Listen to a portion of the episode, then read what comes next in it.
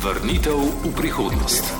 Bravo, bomba! Vratnica rešuje! Imamo priložnost! Ali bo to prevzel vodstva? Gremo do konca! Še tri metre do cilja! Bojite se to! Slovenija vodi dve sekunde! Ena sekunda! Prvi čas! Prvi!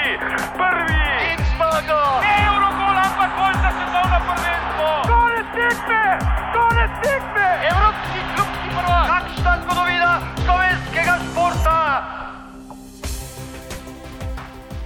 Letenje na smučeh sem generacij športnih zanesenjakov od planice 1972 do Vikersunda 2012, ko je svetovni prvak prvič postal slovenski skakalec. Robi Kranjec je svoj talent in občutek za let izkoristil v pravem trenutku in v Formuli 1 smučarskih skokov pokoril konkurenco.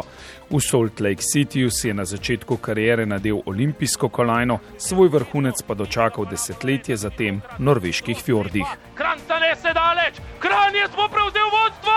Kranjec bo morda svetovni prvak! V tem trenutku je neslo Kranjca prek 230 metrov, morda do novega slovenskega rekorda. Izgubil sem ga v dnu letalnice, Kranjec pa je postavil izziv 244 metrov. S čim je navduševal neformalni vodja tedanje reprezentance, kako je zaznamoval obdobje med dvema slovenskima dobitnikoma velikih kristalnih globusov, kako je izstopal in zakaj takšna strast do letenja na smučeh.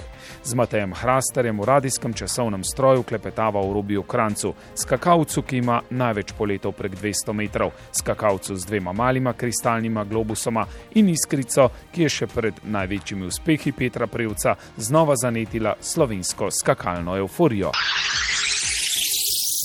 Časovni stroj. Dajmo bojem samo še nekaj sekund. Bravo, Petra, Petra je tretja. Mateja, svet je zmagovalka. Primoš Peter, kaj daleč ti? Slovenija slavi, konec je, konec je.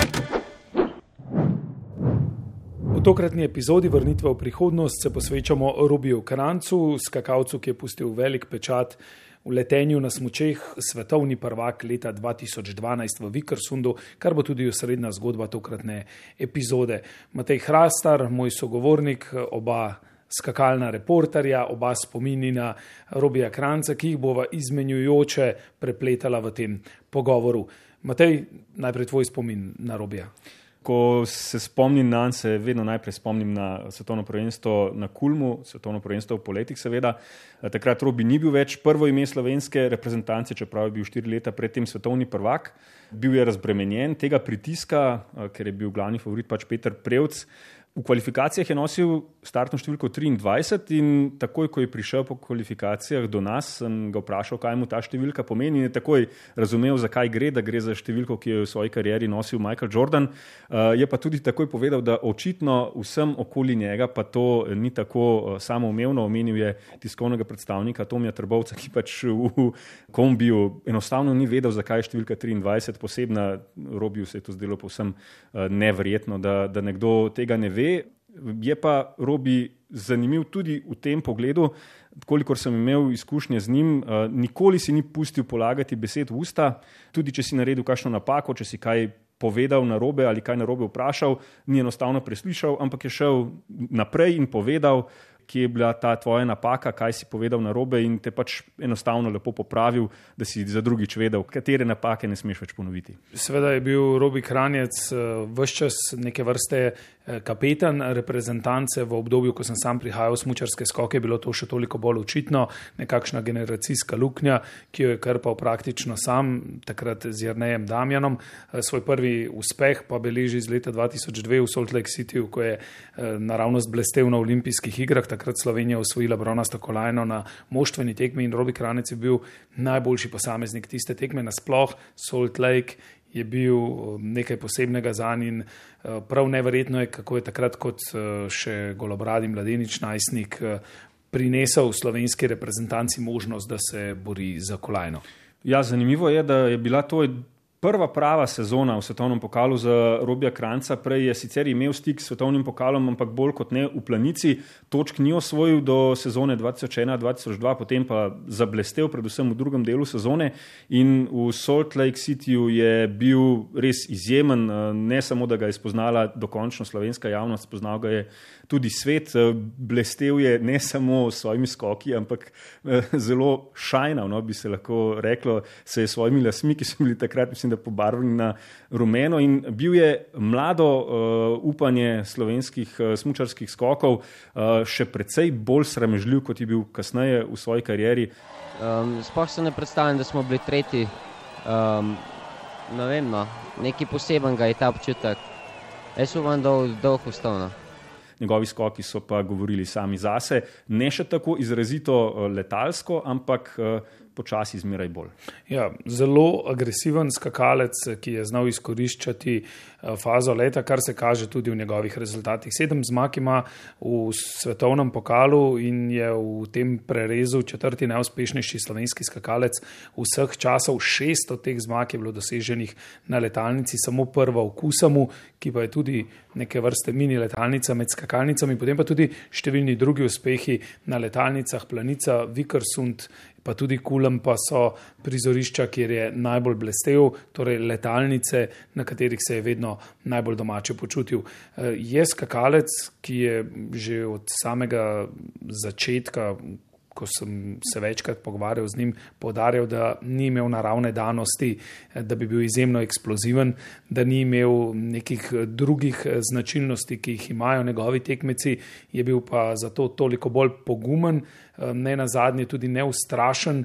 Eh, spomnimo se tudi njegovega zelo grdega paca eh, v planici, ko eh, bi marsikdo po takšnem pacu morda celo končal kariero ali pa bi se van naselil strah, no robi pa je pravzaprav šele nekaj let kasneje postal najboljši robi kranjec takšni izvedbi, da je navduševal tudi slovenske ljubitelje smučarskih poletov. Ja, šele leta 2010 ne, je prišla njegova prva zmaga na letalnici, ko sem si omenil, pa me zanima, zakaj tako pozno, kaj se je zgodilo pri robi v krancu, da je se tako pozno pravzaprav relativno prebudil in potem nanizal največje svoje uspehe, večino njih pravzaprav v obdobju Gorana Janusa.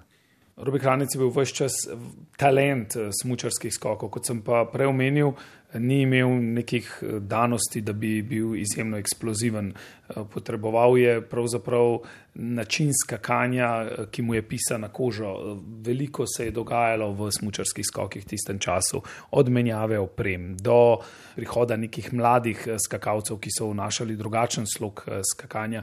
In Robi Kranjec je kar dolgo časa potreboval, da je izpilil to tehniko do potankosti, ko pa jo je izpilil, potem pa je bil vsaj na letalnicah v seriji kandidat za najvišja mesta.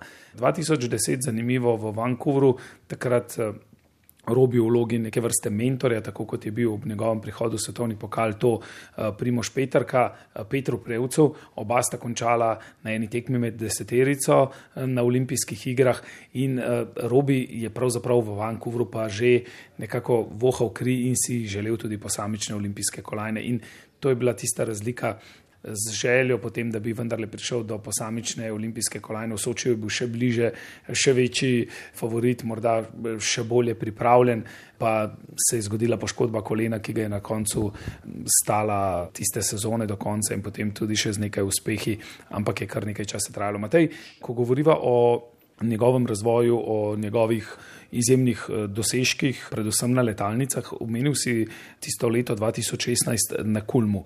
Pravzaprav, dokler ni bilo poletov, je pa Robi večkrat začenjal sezono slabše. Nihanja so bila številna in pravzaprav v času, ko so prihajale letalnice, smo vedno potem čakali, ali se bo Robi Kranjec prebudil ali ne. Od tega je bila pravzaprav na koncu tudi odvisna njegova sezona, tudi če pogledamo skupne vrstitve v svetovnem pokalu.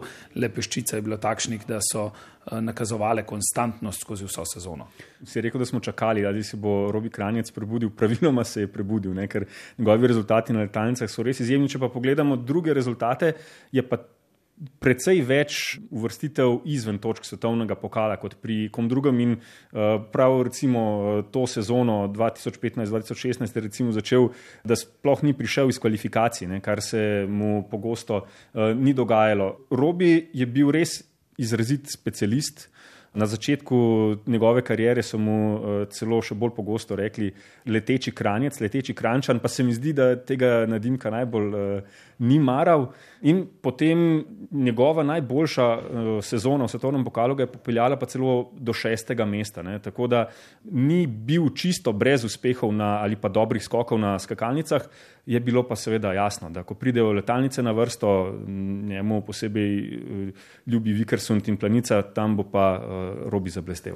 Je prav zanimivo, v letu 2014, ko je bil šesti v skupnem seštevku svetovnega pokala, takrat se je končala ta sezona, je bil v smučarskih poletjih drugi, sicer pa dva mala kristalna globusa v poletjih in največ poletov prek 200 metrov med vsemi tekmovalci v karavani svetovnega pokala. Zdaj, verjetno se bo to kaj hitro spremenilo, letalnice so postale večje, poleti prek 200 metrov niso več taka redkost, kot so bili še ob njegovih začetkih.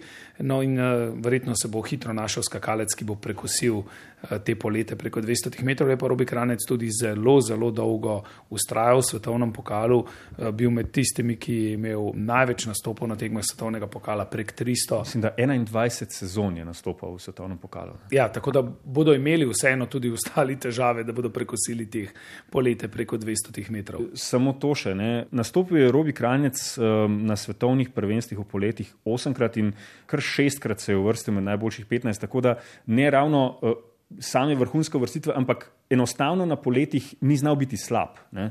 Če bi bil pa v malo boljši formi, pa vse čas v igri za, uh, za zmage ali medalje, če šlo za svetovna prvenstva. Ja, no, in Robi Kranec je bil tudi prvi slovenec, ki je zmagal v planici. In ta zmaga v planici je prišla uh, le nekaj tednov oziroma dober mesec po svetovnem prvenstvu v Vikersundu in to je bilo pravo slave. Se pravi, prva zmaga na letalnici bratov Gorišek, slovenskih skakalcev, Robi Kranjec pa v tisti sezoni še aktualni svetovni prvak v smučarskih poletjih. Skratka, sanska sezona za njim in hkrati se mi zdi tudi za navijače v planici, ki so takrat pa prvič v tem mogoče tisočletju po Primožu Petrki znova napolnili planico do zadnjega kotička. Jasno, to se je še potem nadaljevalo in stopnjevalo s Petrom Prevcem, ampak takrat se je nekako začela ta še zdaj živeča euforija v dolini pod Poncami. Kranjec mize, mirno, brez popravkov, to bo odličen polet, zanesljivo gre Kranjec daleč, to je zmaga! Kranjec je v planici prinesel zmago pred domačimi občinstvom je prišel do prve slovenske zmage. Za več kot deset točk bo premagal Kranjec Amana na koncu današnje tekme. Robi Kranjec je zmagovalec, deset točk in 90 in mislim, da vrši, mislim, da je noro. Tu je res na mestu omeniti, česar si se že prej dotaknil, da je Robi Kranjec nekako vezni člen med obdobjema. Primoža Petrke in Petra Prevca, med katerima je pravzaprav med največjimi uspehi več kot desetletje. Robi je pa zelo lepo zapolnil to praznino in s svojimi uspehi začel um, nekako orati ledino ponovno za, za slovenske smučarske skoke. Je pa tudi res, da v obdobju predtem, v bistvu začetkov njegove kariere, Uh, ni imel ravno sreče s tem, kako, kakšne so bile razmere v slovenski skakalni reprezentanci. Trenerji so se pogosto menjavali, o tem je potarnal tudi Robi. No, potem pa pravzaprav eno sezono, preden je prišel na mesto glavnega trenerja Goran Janus, uh, je Robi začel delati res dobre rezultate, no, potem pa kaj k malu postal svetovni prvak in uh, začele so se vrstiti tudi zmage in uvrstitve na zmagovalni odr. Z Goranom Janusom se je začela ta zgodba, uh, dal je nalogo Robiju Krancu, da postane kapetan te reprezentance. Čeprav se sliši malce smešno, da v individualni športni panogi, pa še posebej v smučarskih skokih, kjer mora vsak skrbeti predvsem za lastno kontrolo nad težo, nad uh, pripravo materijalov, je lahko nekdo uh, kapetan. Ampak s to razdelitvijo vlog je Goran Janus dal jasno vedeti, kdo je v danem trenutku skakalec, ki se mu bodo najbolj posvetili. In v letu 2012, ko je postal svetovni prvak v Vikersundu, je bilo vse usmerjeno k svetovnemu prvenstvu v Vikersundu. Takrat je Petr Prevc že nizal nekatere vrhunske rezultate, ampak osrednja pozornost in miselnost je bila usmerjena k Vikersundu.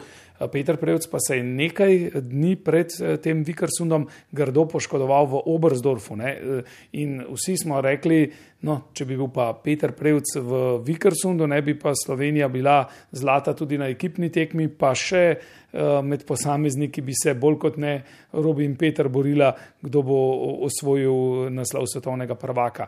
Obdobje, ko so vse slovenski poleti razcveteli v polni meri. Zdaj, če govoriva o Robiju Krancu in njegovi eh, pripadnosti, hitrosti, ekstravaganci, drugačnim eh, pogledom eh, tudi na smučarske skoke, je imel kar nekaj, bom rekel, stereotipov, nekaj značilnosti, ki so bile drugačne od ostalih skakalcev. Ja, jaz se tu spomnim na njegovo zaljubljenost v hitre motorje, predvsem. Dobro, saj niso skakalci ravno najbolj, da bi sedeli v naslanjačev. Ne, poznamo primere že pri nas, med slovenskimi skakalci, ki imajo radi hitre motorje, radi hitre avtomobile. Ne. Juri Tepeš in Timi Zajec mi tukaj prideta prva na pamet, ampak Robi Krajnic je starejši in je bil uh, tukaj, aha, spet pa so pri Primožu Peterki, ki je tudi vozil motor. Ne. No, ampak eh, Robi je bil tukaj uh, mogoče še bolj, že mogoče na tem zasvojen s hitrostjo, ne, če rečemo malo uh, grdo in direktno. Uh, to je vsekakor njegova zgodba. Bil je tudi umetnik, po poklicu sicer frizer. Ja. Umetnik pa v smislu, da si je vsako leto pobarval čelado na različne načine. Veliko je imel zelo domiselnih čelad, se pravi, pokrovitelj mu je namenil čelado, sam pa je potem narisal gor svojega psa. Orla, različne napise. Vedno, vedno je bil nekaj posebnega tudi v tem pogledu v karavani sem pa začel barati, odkar mi je pač UVEX-ova, ker sem na tej znamki UVEX mi je pustila, um, da lahko, pa v bistvu sem jim mogel najprej poslati, kva imam na čeladi. In naj mi je bilo poj tudi to všeč, ker so velikrat čelado pokazali, poj ne vem, kakšne tekme, ko so bile sploh poleti, ker so malo več pač to pokazali. In naj mi se mi zdi tako super zgodba, tudi letos mi je rekla, ko smo bili na novoletni, da jo kličejo, da bi radi imeli to čelado, ne sem jo ne morejo imeti, ker je v bistvu jaz dan barva. Tako, da, tako super. No. no in eh, pravzaprav zdaj, ko se ukvarja z smočarskimi dresi in takrat, ko so smočarski dresi dovoljevali za res lepe polete, je bil najboljši, se je pa kar zelo jezil v tem obdobju, ko so se pravila spreminjala eh, z krčenjem dresov, z tem, da bi lažje nadzorovali neenakovredne razmere v zraku pri skakalcih, povečale so se na ta način znova hitrosti, ki so bile prav v času tega svetovnega prvenstva v Vikersundu, kamor se bomo preselili čez nekaj minut. Eh, najnižje ali pa med najnižjimi, in se je zares uh, jadralo na zračni blazini, no, potem pa je bilo kar nekaj pripomp na ta račun, tudi z njegove strani. Ja, Robi Kranjec je eh, seveda, tako kot skakalci, nasplošno imel težave tudi z uravnavanjem teže, ker konec koncev je treba tudi pri tem uh, se precej uh, paziti, kaj ješ, kako ješ, kdaj ješ. Uh, če se prav spomnim, je v Vikersundu šlo res za, na tesno, ne, da, da je imel pravo težo. Ker mi je daj Šinki rekel, da greva na večer, sem rekel, da meni tako hrana smrdi, da nisem mogel, ker sem mogel najem tudi na, na dan tekmovanja, recimo za ekipno tekmo, sem mogel kilo hrane pojesti, ker mi je tok padlo v eni noči, um, kile dol, da sem zelo težko kontroliral.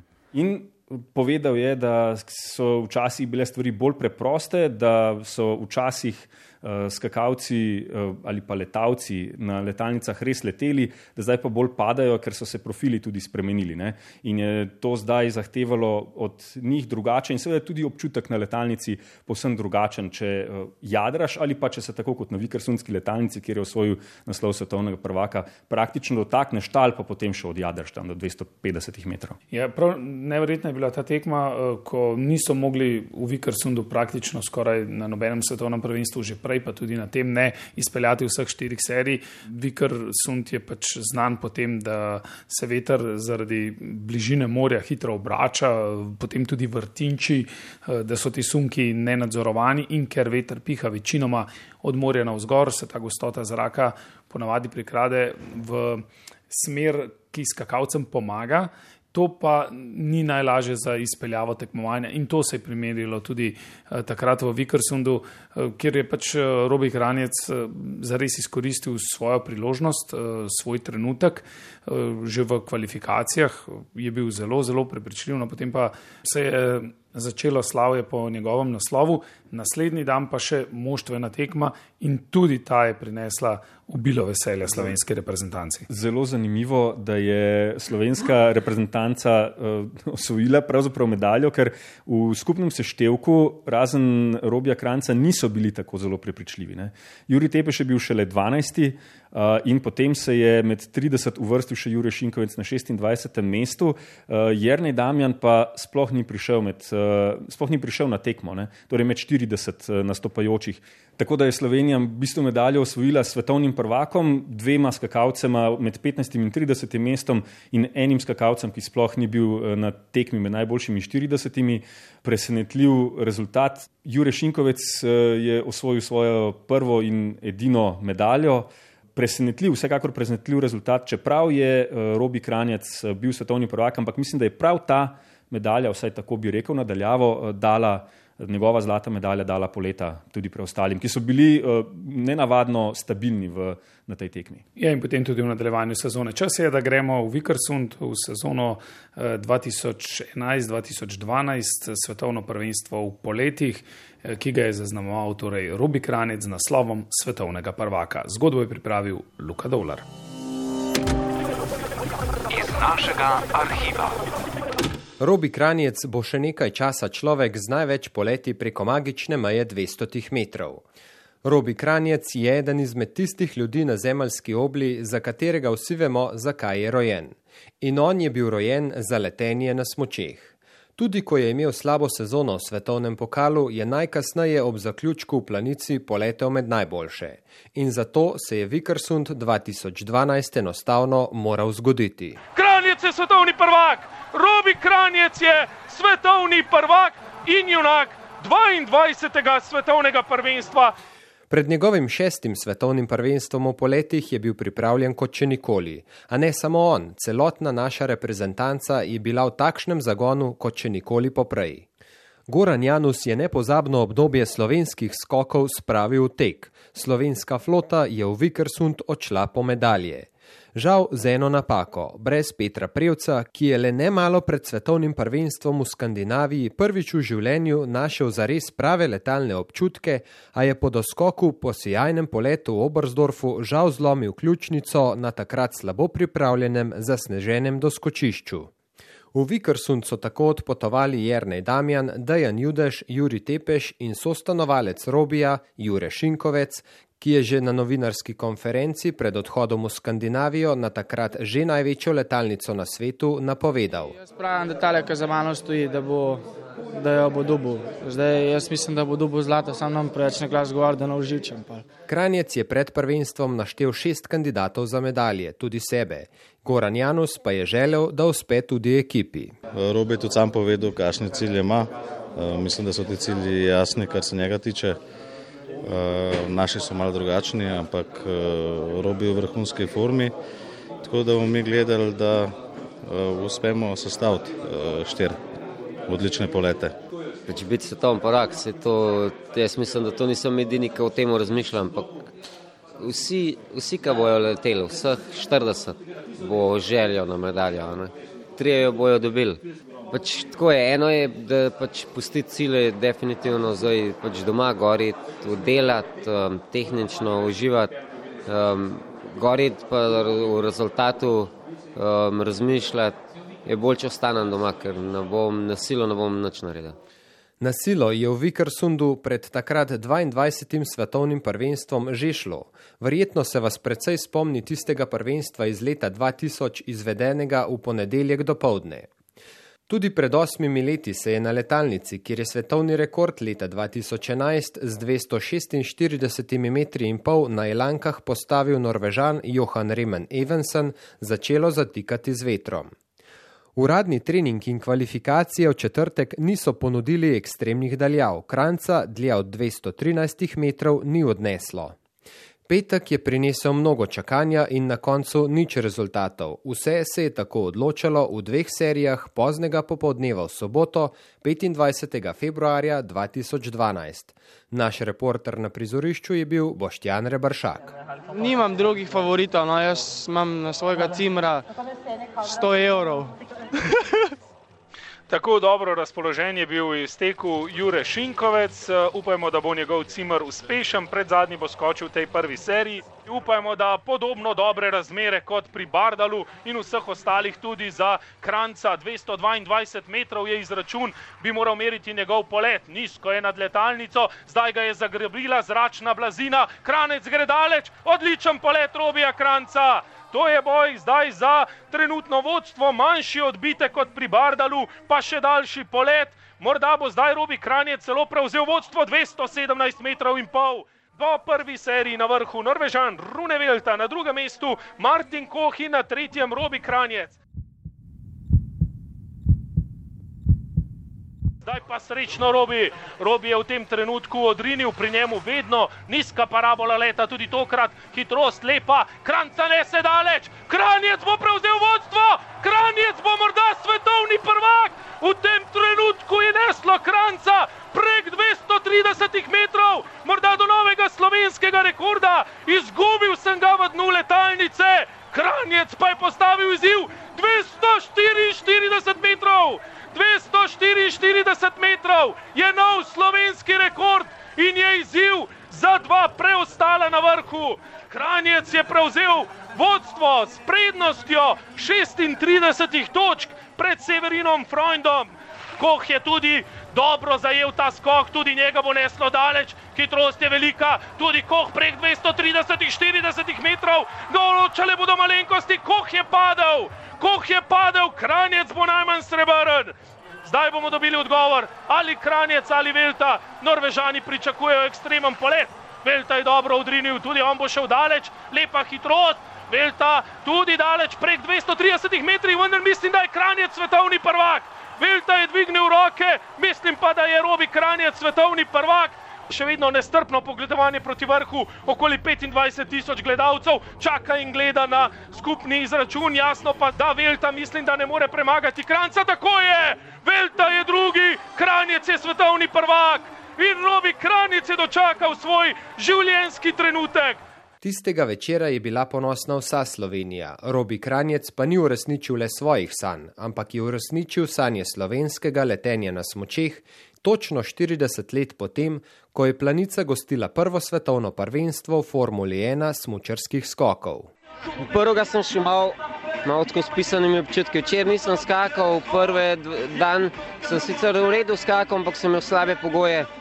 In tako da bi šel na en skašnemu pričakovanju, tako medaljo, tisto pa medalja, pa to ne, ker v bistvu sploh nisem nobenega poleta tukaj res tako, da bi me odpeljali, da bi začel to skočil samo nek 212, 213, vse ostalo, ker sem.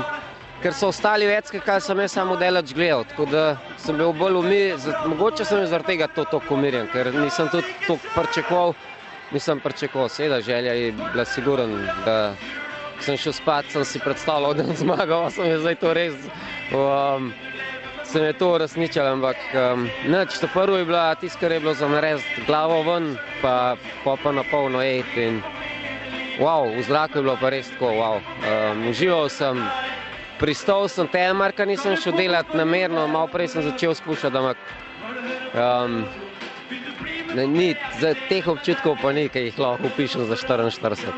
Se še spomnite manjše drame, ki je na to sledila po koncu tekmovanja?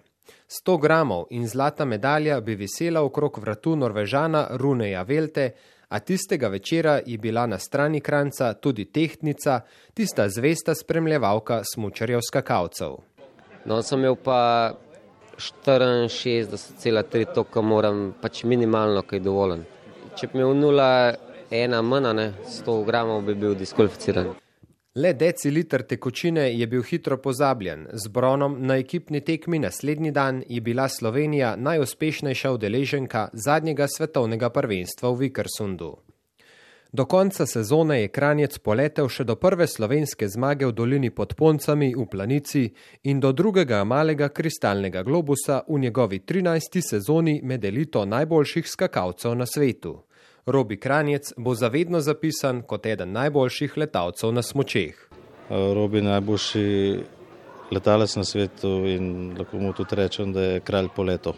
To je bil spomin na vrhunec karijere letečega krančana, njegova zgodba pa je ena izmed tistih, ki vliva vero v šport slehrnemu športnemu privržencu. Vrnitev v prihodnost. Izjemno veselje v slovenski reprezentanci, po koncu tekme, kasneje tudi v hotelu. Pravzaprav je bil to tudi prvi zares odmeven rezultat Gorana Janusa, In Goran Janus je takrat dobil, tako kot celotna reprezentanca, krila za vse naslednje podvige in uspehe. Mislim, da je prav po tem naslovu svetovnega prvaka pa tudi Goran Janus začel verjeti, da je eh, sposobna celotna reprezentanca pod njegovim vodstvom narediti to, kar je potem naredila v naslednjih eh, sezonah. Robi Kranjec pa, kot rečeno, v nadaljevanju še eh, dve zmagi v tej zimi, zaključek pri nas v planici pa pika na i vsemu skupaj. Če imamo v mislih eh, to sezono 2012, ki je bila njegova rezultatsko najuspešnejša, eh, pa to pravzaprav ni bilo edino slavje ne, v planici. Sledilo je še kasneje, ko pa ni bil več eh, prva violina. In zdi se mi, da je Robi pa to zelo naravno sprejel, da je nekdo boljši od njega in je znal tudi privoščiti svojim sotekmovalcem. Ja, to je njegova res eh, lepa značajska lastnost. Eh, nikoli ni bil eh, znotraj ekipe na kogarkoli ljubosumen. Ko je Petr Prevc leta 2016 osvojil veliki kristalni globus, sicer seveda že veliko prej pred planico in je robi tisti vikend tudi slavil zmago, ne, svojo zadnjo pravzaprav v svetovnem pokalu, je robi se izkazal s potezo, da ga je pričakal z orlovo glavo na, na glavi in um, na tak način pozdravil šampiona, največjega skakalca v zgodovini slovenskih smučarskih skokov, mu skočil v objem in uh, se tako z njim poveselil ob zadnjem skoku sezone. Res lepa poteza, ki nas je navdahnila in zelo lepo pokazala Robijev karakter, ki ga tisti, ki so veliko časa preživeli z njim, še bolje poznajo. Zanimivost iz te sezone 2016 bila je namreč. Uh, planica z kar štirimi tekmami, kar je tudi svoj vrsten eh, podvig tako za organizatore kot za gledalce, ki so lahko zares uživali v vsakem trenutku. In na vseh treh posamičnih tekmah so bili na zmagovalnem modru trije skakalci, Peter Prevc z dvema zmagama, Robi Kranjec z zmago drugim in tretjim mestom in Johan Andrej Forfan, ki je zapolnil vsa ostala mesta. Torej tri tekme in tri skakalci na zmagovalnem modru. Spraševali smo se samo, kdo bo na katerem mestu. Vse dogaja, ne? Ne, ni samo v tej sezoni, tudi uh, mislim, da eno sezono predtem sta bila uh, Juri Tepaš in Peter Prevc kar zaporedoma. Se pogosto ponavljajo imena, če si v formi tisti vikend na koncu leta, na koncu sezone, pač si v formi. Ja, in Robi Kranic je potem v nadaljevanju te svoje kariere od leta 2012 dalje eh, zares živel še za olimpijsko kolajno, eh, živel še za kakšen podoben podvig. Ni ga bilo več in večkrat je bil v precepu ali nadaljevati ali ne. In eh, zelo živo se spomnim tudi njegovih misli. Ne, lovim Norjakija Kasaja, ne bo ga ujel. Ne? Ne, nobenih možnosti ni za to bilo. Ja, ker je že pač eh, končal kariero Norjaki, pa še ne. Redki so skakalci, ki skačejo prek 35. leta ne? in tudi uspehi eh, po, že po 30. letu so pri skakalcih eh, prej izjema kot pravilo. Sploh pa skakalci, ki recimo po 35. letu pridejo na zmagovalni odr. Robi Kranjec je eden takih, ki je uspešen del svoje kariere popeljal precej daleč v 30. leta, že proti 40. Ker si pa omenil olimpijske igre, ne? že prej smo jih omenila. 2014 v Sočiju. Robi Kranjec je tudi v enem od pogovorov pri nas rekel, da bi si res želel uh, uspeha na olimpijskih igrah in da upa, da na njih ne bo razočaran. Uh, no, potem je v Sočiju bil kar precej razočaran. Slovenija je tja prišla kot, mislim, da ne samo favoritinja za medaljo v namoštveni preizkušnji, ampak celo glavna favoritinja za zlato pa je potem, mora biti prav zaradi eh, težav robija kranca, ostala brez tega. Ja, poškodba je zares eh, bila pravzaprav kar hud udarec takrat za slovensko reprezentanco. Peter Prevc je sicer v Sovčiju navdušil, pravi vse, kot je bilo potrebno, ampak se mi zdi, da je celotna reprezentanca takrat uh, dihala res uh, ne samo za enega posameznika, ampak za celoto, uh, da bi uspelo priti uh, na sam vrh. Še ena zanimivost, uh, Robi Kranec, Juri Tepeš, Peter Prevc, tri slovenska imena, ki so poskrbela za praktično vse slovenske moštvene zmage. Uh, še en dokaz več, kako homogena je bila takrat ta celota. Uh, Juri Tepeš ima devet uh, slovenskih moštvenih moštvenih zmag, eh, Peter Prevc eno več, Robi Kranec osem. In nekaj časa so bili vsi trije poravnani, ker so bili tako zelo zasidrani v slovenski uh, reprezentanci, ne glede na to, ali so bile letalnice ali skakalnice, bili so pač zelo, zelo povezana celota, ki je zmagovala praktično v določenem obdobju dveh, treh sezon, eh, skoraj da na vsaki drugi tekmi. Ja, eh, ekipe, ki zmaguje, se ne menja in v tem pogledu je eh, Goran Janus skakalni srečko katanec, recimo, ne, ker eh, je bil znan katanec potem, da v najboljšem obdobju reprezentančne postave praktično ni menjal in si lahko že tudi vedel, kdaj bo kdo vstopil ne, in kdo to bo in koga bo zamenjal. Eh, pri Goranu Janusu je bilo tako, da so bili ti trije skakalci povsem jasno eh, praktično zabetonirani na moštvenih preizkušnjah, potem se je pa še kdo drug priključil in res potrebno je, da imaš skakalce na katere lahko računaš, na katere se lahko zaneseš, in da imaš pri tem tudi vodjo, kar je nedvomno Robi Kranjec, s svojimi izkušnjami, lahko rečemo tudi s svojo modrostjo in besedo uh, bil. Ja, spomnim se tudi potem slavja ob koncu sezone leta 2012 v Planici. Robi Kranec je tudi zelo družabna osebnost, vse le je znal povezati med seboj eh, ne samo tekmovalce, tudi vodstvo, vedno eh, zelo hvaležen Goranu Janusu in ekipi, da mu je uspelo to, kar mu je na koncu uspelo in ne nazadnje to veselje je znal deliti z pokrovitelji, z celotnim okoljem. Eh, bil ne na zadnje ob svojem slovesu tisti, ki je vso svojo opremo razdelil med eh, občinstvo. mlade skakalce, občinstvo. Eh, v vsakem trenutku je imel pred seboj neko širšo sliko. Velik človek, ne, ne samo velik skakalec in izjemen letalec. Tako da uh, zgled uh, za marsikoga, zagotovo, uh, ne samo po uspehih, ampak tudi po tem, kako je znal peljati odnose z vsemi, tudi z novinarji. Pa čeprav mu včasih vprašanja niso bila najbolj všeč, ampak to, kot sem rekel že na začetku najnega pogovora, je to znal zapeljati tako, da smo se vsi skupaj iz pogovora z njim nekaj naučili in šli potem še lažje naprej. Sem se pa ob tem, eh, glede njegovega karakterja, spomnil še eh, zelo pomembnega odnosa ne, s preomenjenim Jurjem Šinkovcem, ki sicer uh, ni čisto isti letnik uh, z Robijem Krancem, ampak je bil zelo pomemben uh, vezni člen, tudi, ali pa niti ne vezni člen, ampak njegov kompanjon. No, bom uporabil to besedo. Bila sta tudi Cimra, ko je bil uh, Jurek Šinkovec v svetovnem pokalu. Um, ja, Šinkijam so v bistvu že bila 2006 skupin uh, v Torinu na olimpijskih igrah, takrat eno sezono prej, v bistvu po zim niso bila takrat Cimrak, sem bil z Rokom Benkovičem. Tako da so se poznala odprej dobro no, in tudi na ostalih tekmovanjah, pojka niso bila skupaj. Kadarkoli na treningu so se pogovarjala in ne vem, sva zelo dobra prijatelja, tukaj, tukaj še Pero Prevc, ki se zdaj zelo veliko nasmejim. On je res en posebno, ena posebna faca. Z, mislim, vsi ostali fanti tudi um, se zelo dobro razumemo. Um, Šinkjen so se pa nekako tako dobro rejali in je bilo super, no, res. Dobro prijateljstvo včasih uh, lahko veliko odnese, ne, tudi v športu, da imaš nekoga, s katerim se lahko pomeniš, uh, ki s teboj deli dobre in slabe trenutke, uh, s katerim se lahko uh, poveseliš in s katerim si lahko tudi razočaran, pa da točno ve, katero tipko mora v katerem trenutku pritisniti. In mislim, da v tistem obdobju, ko je eh, Robi uh, nizal največje uspehe, je bil zelo pomemben um, Jurek Šinkovec v, v, v tem odnosu.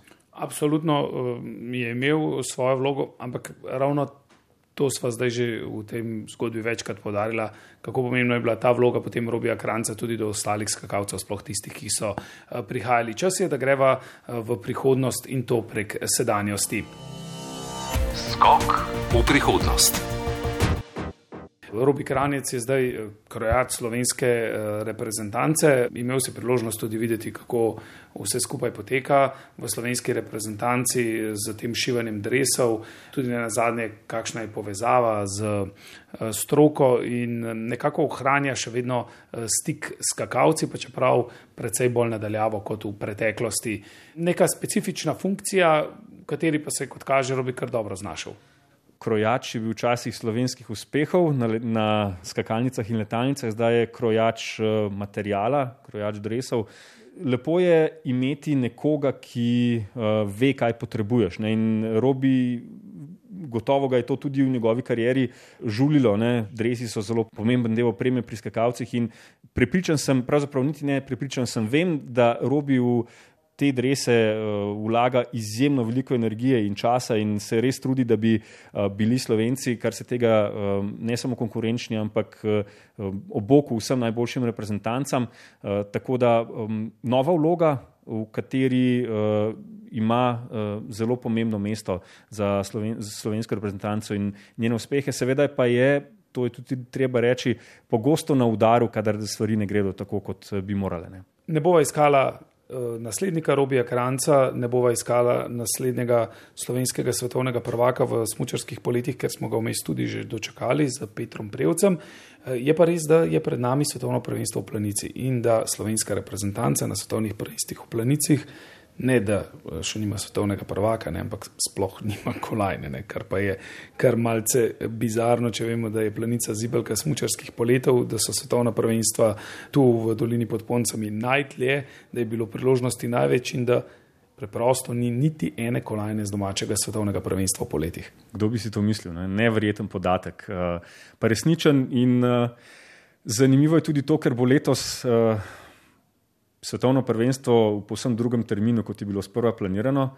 In ker smo že omenili, da Robi Kranjec je v svojih eh, najboljših eh, sezonah potreboval nekaj časa, da je prišel v pravo formo in da so se letalnice začele nikakor ne na začetku sezone, zdaj bo pa pravzaprav že eh, v prvem mesecu nove sezone svetovno prvenstvo v plenici, tako da vse bo, za vse bo drugače.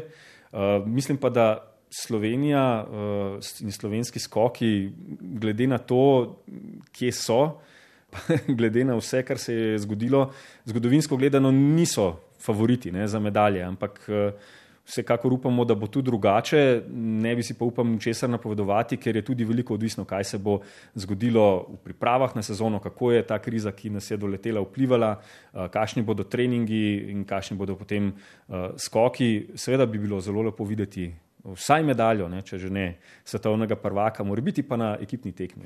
Letenje na smočeh v primerjavi z smučarskimi skoki, podmladek, eh, šola skakanja, eh, stvari, v katerih veliko razglabljamo v slovenskih smučarskih skokih in eh, nekako se zdi, da slovenska in norveška skakalna šola stremi k bolj agresivnemu odskoku, k bolj agresivnemu prehodu v polet. Zakaj pravzaprav misliš, da prihaja do takšnih razlik v primerjavi z Nemčijo in Avstrijo, pa ne na zadnji tudi Japonsko, ne v Funakiju.